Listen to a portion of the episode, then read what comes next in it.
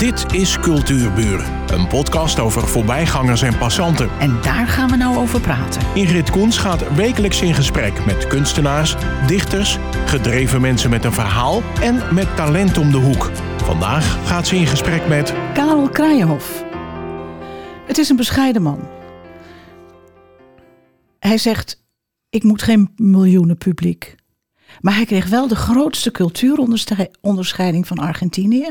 En mede door Karels inspanningen werden in 2009 de Argentijnse tango toegevoegd aan de werelderfgoedlijst van UNESCO.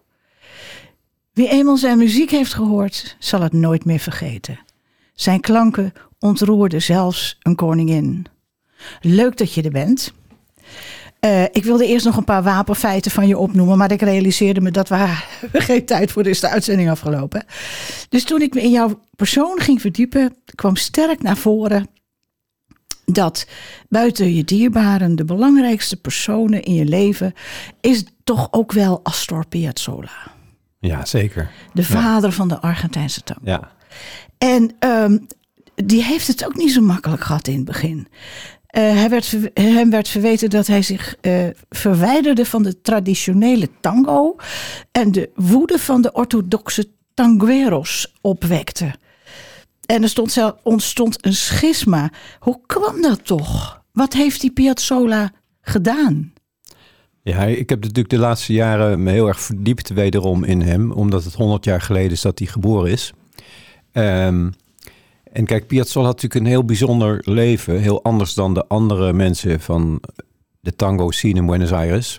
Hij was Die was er dus wel al? Ja, hij was, ja, kijk, tango heb je al vanaf 1880 ongeveer.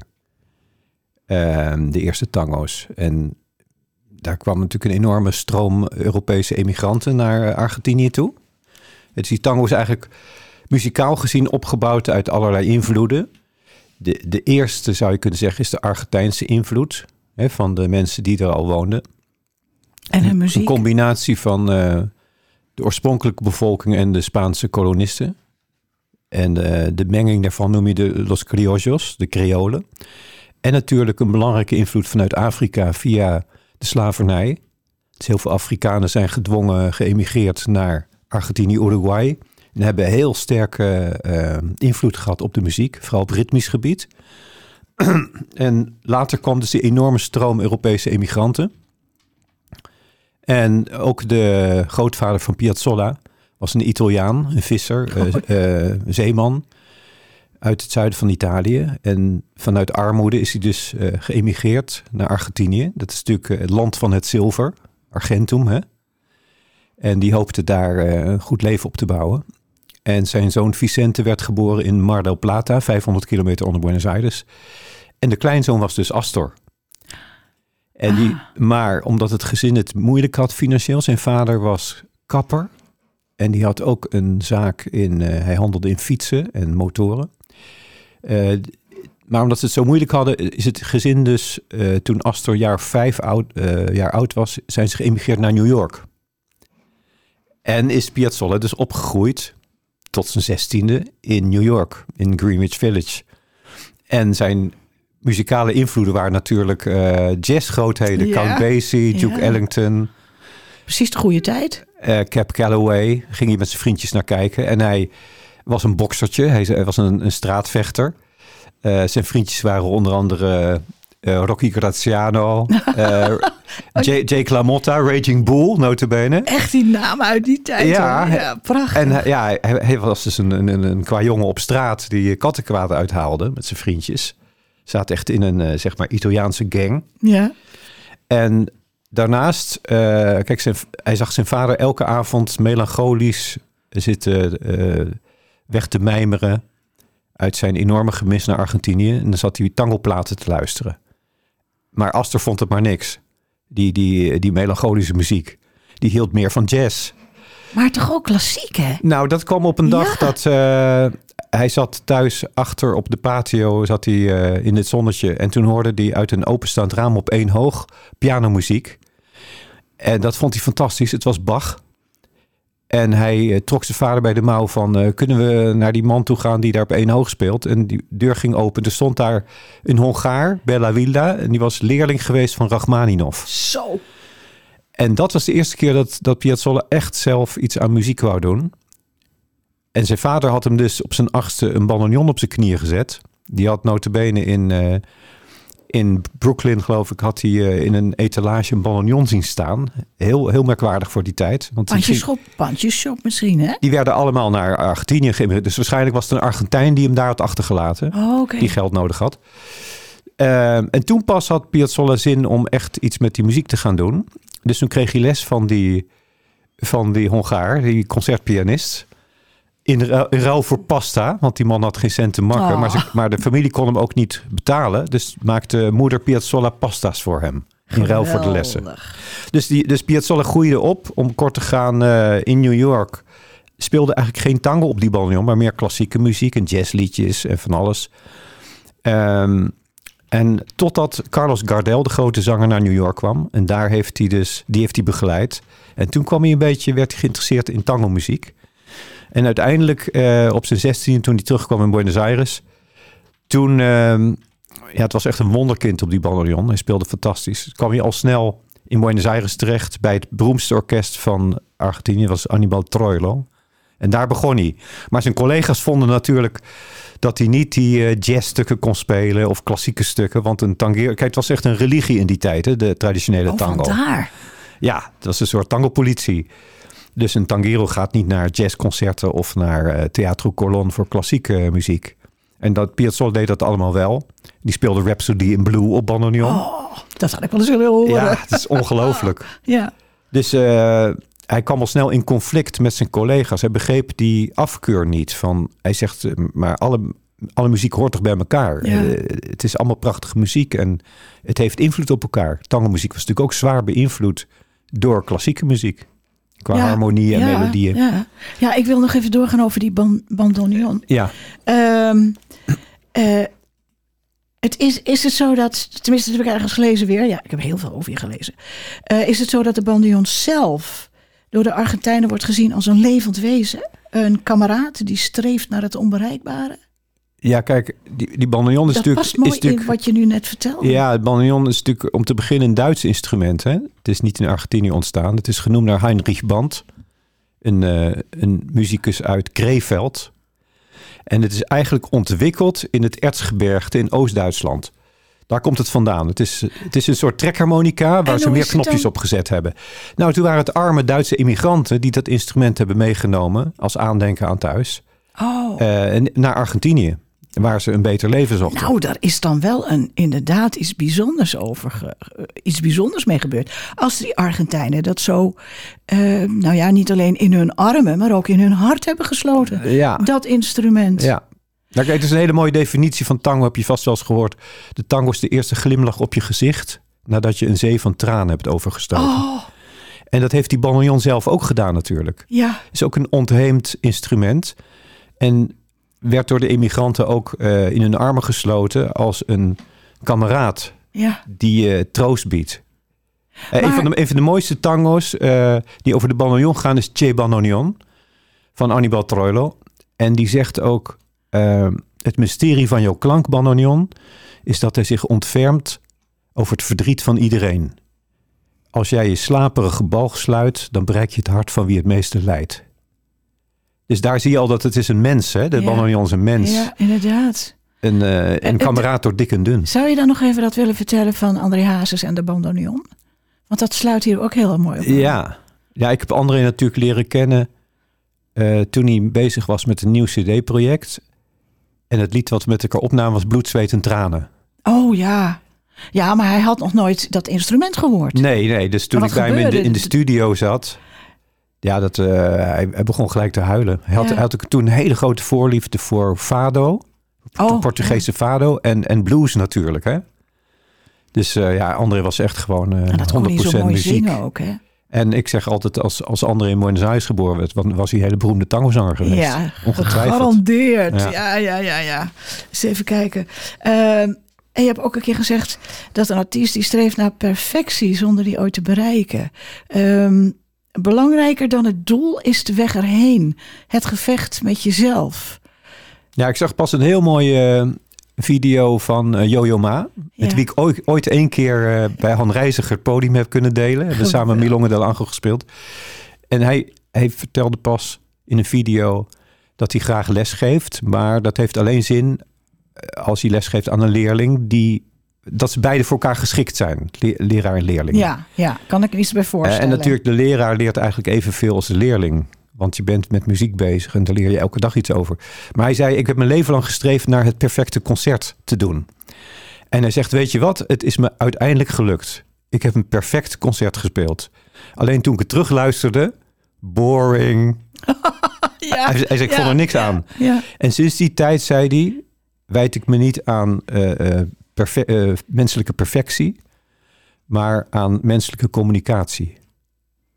Dus het, dus het gaat, eh, het Maar hoe geldt dat dan voor jou? Nou, dat is precies hetzelfde. Dat is zo denk ik er En, ook en, over. en eh, belangrijker dan het doel is de weg erheen, het gevecht met jezelf. Ga jij dat ook elke keer weer aan?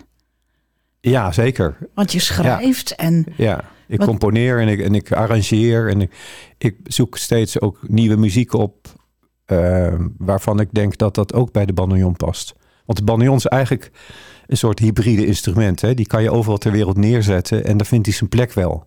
Dat is ook al gebleken in Argentinië natuurlijk. ja, Eh, een beroemde bandoneonspeler die ik zeer bewonder, die is nu 86, Dino Saluzzi. Die speelt een combinatie van Argentijnse volksmuziek en jazz. oh kijk. Geweldige componist. en hij heeft dus een keer gezegd: eh, je kan alle muziek van deze wereld op bandoneon spelen, zolang je niet zijn roots vergeet. Binnen tango en binnen de Duitse traditie.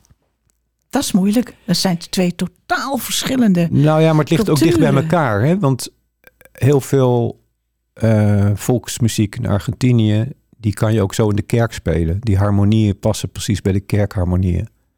Oké. En ehm, Wordt een soort universele muziek. ja, bandoneon is natuurlijk een, een soort draagbaar harmonium van oorsprong. Hè? Oh ja, in natuurlijk. het die- oorsprongsdorpje waar het geboren is, in Karlsveld, daar wordt hij nog steeds gebruikt ter, ter begeleiding van de, de, de dienst op zondag. Ja, dat moet ook in schitterend zijn. Ja.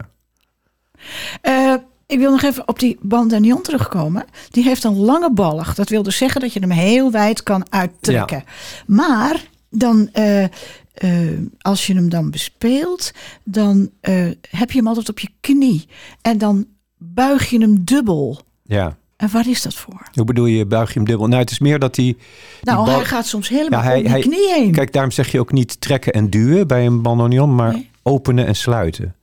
Dus die bandoneon opent zich. Ja, Die twee kastjes waar de knopjes aan zitten, die wegen evenveel. Dus het is volledig symmetrisch, het instrument. Dus het enige wat hij wil is dat die, die twee kastjes naar de grond zakken vanwege de zwaartekracht. ja. Dus eigenlijk opent hij zichzelf. Je hoeft alleen maar knopjes in te drukken en dan opent hij zichzelf. Alleen voor het sluiten moet je wat spierkracht gebruiken. Zoals bij zoveel instrumenten, ook bij de viool bijvoorbeeld. Als je naar een violist kijkt, die gebruikt eh, zijn strijkstok op een manier waarbij hij zo min, zoveel mogelijk de zwaartekracht van de arm en de stok gebruikt. En niet ja, ja, spierkracht. het. Ja, ja. En een pianist gebruikt het gewicht van zijn armen. Dus hoe, hoe minder spierkracht je, je gebruikt, hoe beter het instrument klinkt, natuurlijker. Ehm, omdat er zwaartekracht bij aan te pas komt. De zwaartekracht zorgt voor een ideale toonsvoorbrenging. Het is soms een heel vreemd gezicht. Als hij zo helemaal over die knie hangt. Ja. ja, en kijk, Piazzolla speelt natuurlijk staand. Dan heb je eigenlijk een groter volume, doordat je staat en verder van de grond af bent met het instrument. Eh, maar de meeste spelers in de orkesten van Buenos Aires, die speelden altijd en spelen nog steeds eh, zittend. Waarbij eigenlijk je ene knie een beetje in de weg zit, hè, om die balg optimaal te kunnen openen. Ja. Eh, je hebt ook eens ergens gezegd: tango is muziek van verliezers. Ja, nou, ik, ik heb het steeds over die emigranten. Dat Ja. waren natuurlijk geen rijke mensen die even een eh, vakantietripje gingen maken naar Argentinië. Nee. Dat waren mensen die bijvoorbeeld in, in, in, in Rusland of in Duitsland of noem maar op, eh, ook in, in Frankrijk, vooral Zuid-Italië, Spanje, Eh, waar mensen die vanuit armoede probeerden eh, een nieuw leven te vinden op een continent waar ze meer kansen zouden hebben. Zoals de Ieren bijvoorbeeld eh, en de Italianen naar de Verenigde Staten gingen. Daar is hetzelfde gebeurd. Het is ook een immigranten-samenleving. In die zin werkt, lijkt Buenos Aires een beetje op New York. Alleen Ja, de Latijns-Amerikaanse versie ervan. Ja, Ja. melting pot. Dus dat waren natuurlijk... Kijk, in het geval van Buenos Aires... heel veel Italianen die daarheen gingen... die dachten, ik krijg daar een beter, beter leven. Maar ze vielen van de regen de drup. Het bleek dat het land al eigenlijk verdeeld was... onder 300 eh, Spaanse koloniale families. Hè, de, de grote grondbezitters die die eh, hacienda's eh, al hadden. En die hadden dan honderden kilometers land in handen. Dus daar konden ze of landarbeider worden, peon, hè, op, op, op de Pampa. Of ze konden naar Buenos Aires en dan raakten ze daar eigenlijk terecht in de industrie die daar was. Er was al in een soort kring om Buenos Aires natuurlijk een enorme reeks slachterijen gebouwd. Om al dat koeienvlees te verwerken. Oh ja.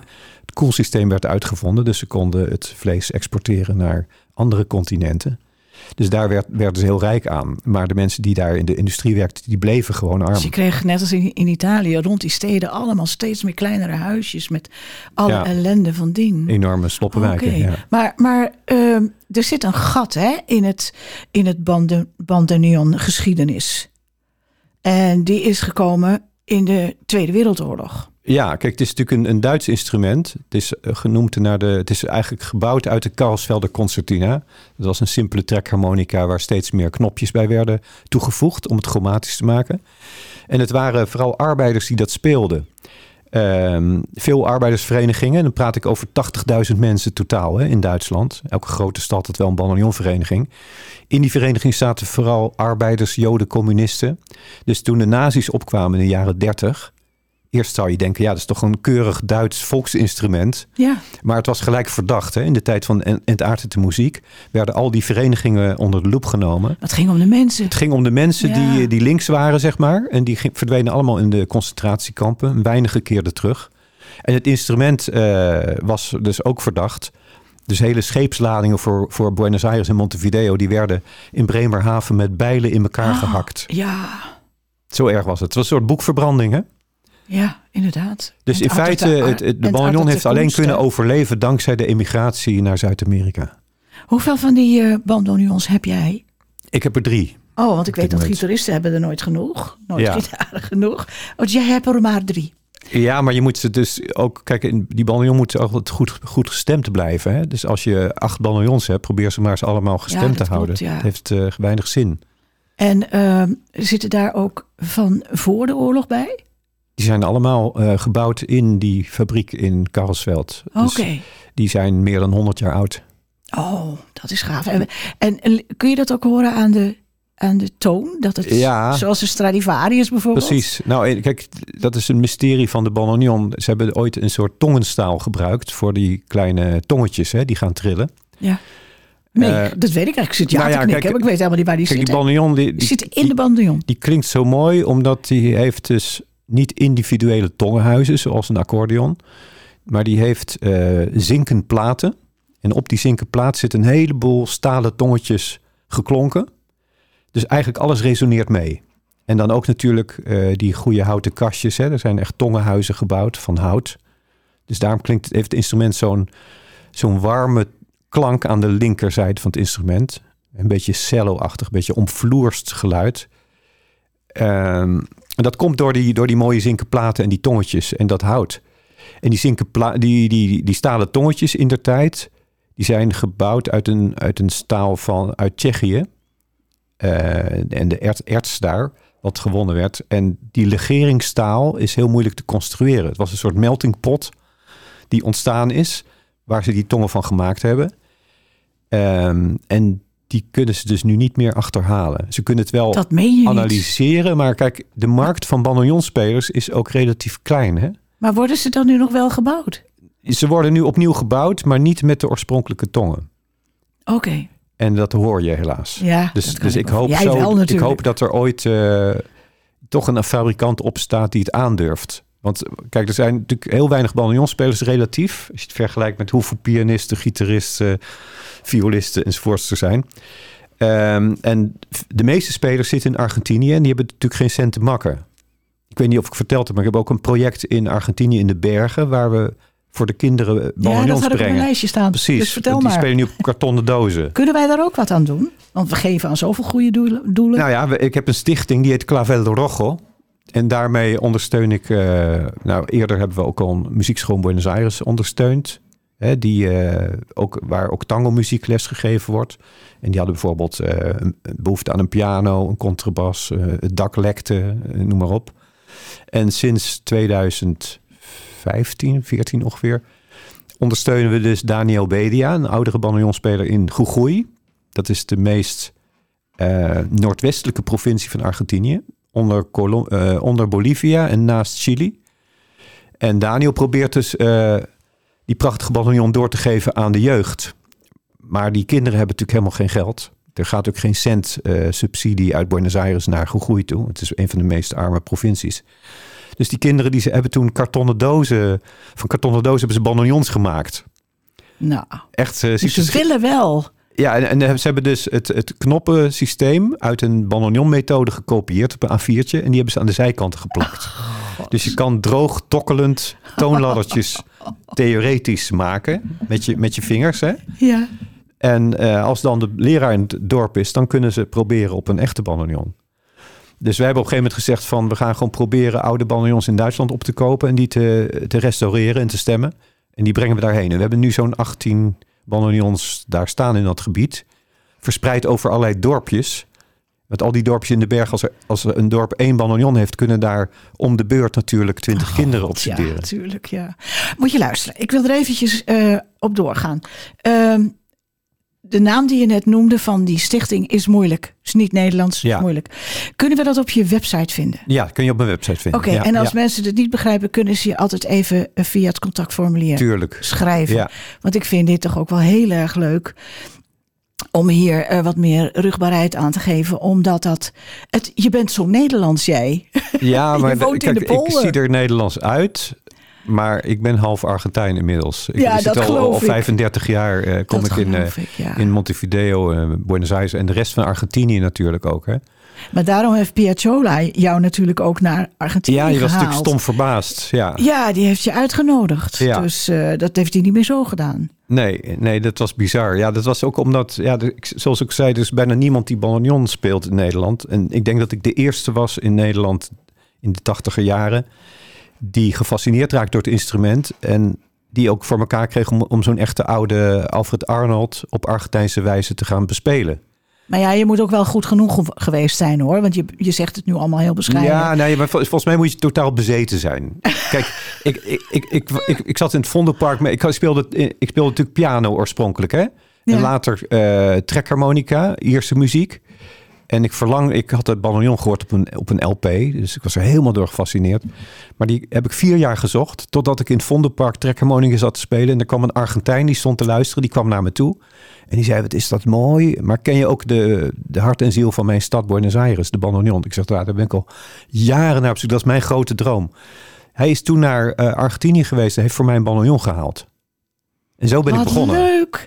Eh, Argentinië is naar jou toegekomen. Ja, ik heb het ook altijd beschouwd als een cadeau van de Argentijnen aan mij. Ja. En die bandoneon heeft me natuurlijk de hele wereld eh, laten zien. Eh, wacht even. We kunnen een uur doorgaan. Want ik heb nog veel meer te, te vragen. En te. en Ja, oh, nou, goed. Ehm, je website. Laten we even noemen wat je website is. Laten we even technisch worden. Www.karelkraaienhof.nl Karel met een C. Karel met een C, Kraaienhof, dubbel A-Y-E-N Hof. Ja. Ja. Karel, mijn, mijn opa heet ook Karel met een C. Eh, daar kun je namelijk ook je agenda vinden. En je nieuwe CD. Ja. Hoe heet die? Nou, die heet 100 jaar Piazzolla. Oh, die moet ik ook. Daar hebben we een hele leuke Die theatervoorstelling nu over. Hè, waarbij we het verhaal van zijn leven vertellen. Met alle gekke anekdotes en mijn ontmoetingen met hem. Alle vier de muzikanten. Dus, dus pianist Juan Pablo Dobal is een Argentijn. Contrabasist Jaap Branderhorst. En violist Bert Vos. Wij, alle vier vertellen dat verhaal. En we spelen de mooiste stukken van, eh, van Astor. Oké, Laatste vraag. Snel antwoorden. Je speelde met onder andere Sting, Joshua Bell, Yo-Yo Ma, Ennio Morricone, Christian Jarvi, arpiste eh Livinia Me- Meijer. Meijer en Herman van Veen enzovoort enzovoort. Heb je nog hobby's? Hobby's. Nou ja, ik ben, ben weer helemaal terug met die Ierse muziek. Hè? Ik ben net in Schotland geweest. Echt zo mooi. Fijn Ja. dat je er was.